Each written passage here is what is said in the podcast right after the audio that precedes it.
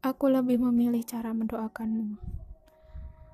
Biarlah perasaanku kekembalikan ke Allah atas alur yang Allah hibahkan.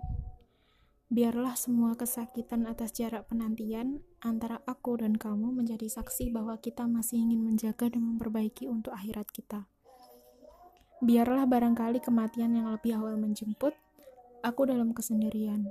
Aku gak bisa komunikasi sama kamu, karena itu karena itu merusak niatku. Aku sayang sama kamu. Sayang sebagai cangkupan yang luas.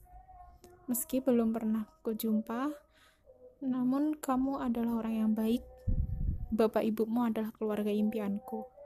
Dan saat Allah mengibahkan perasaan ini untuk tetap aku jaga, yang entah sampai kapan, ya kamu tahu sendiri, aku banyak aku tahu kamu tahu sendiri aku ada banyak kegiatan yang semoga sedikit menguras sedikit mengurangi rasa sepiku.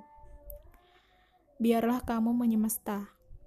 Kamu dengan suaramu, dengan keluargamu, dengan ilmumu, dengan bab agama yang harus kamu matangkan, kamu dengan tabungan masa depan yang harus kamu rencanakan, dan itu nggak bisa ditempuh kalau aku dan kamu nggak sendiri untuk produktif, dan tentu juga untuk lebih taat.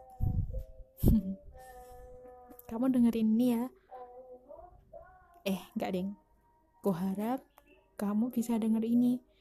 Ya meskipun kamu nggak mungkin nggak tahu sih. Kamu bakal mampir ke podcast aku juga aku nggak tahu. Tapi pesan ini sudah aku sampaikan lewat udara. Semoga udara sampai ke kotamu sampai ke rumahmu sampai ke dalam lubuk hatimu.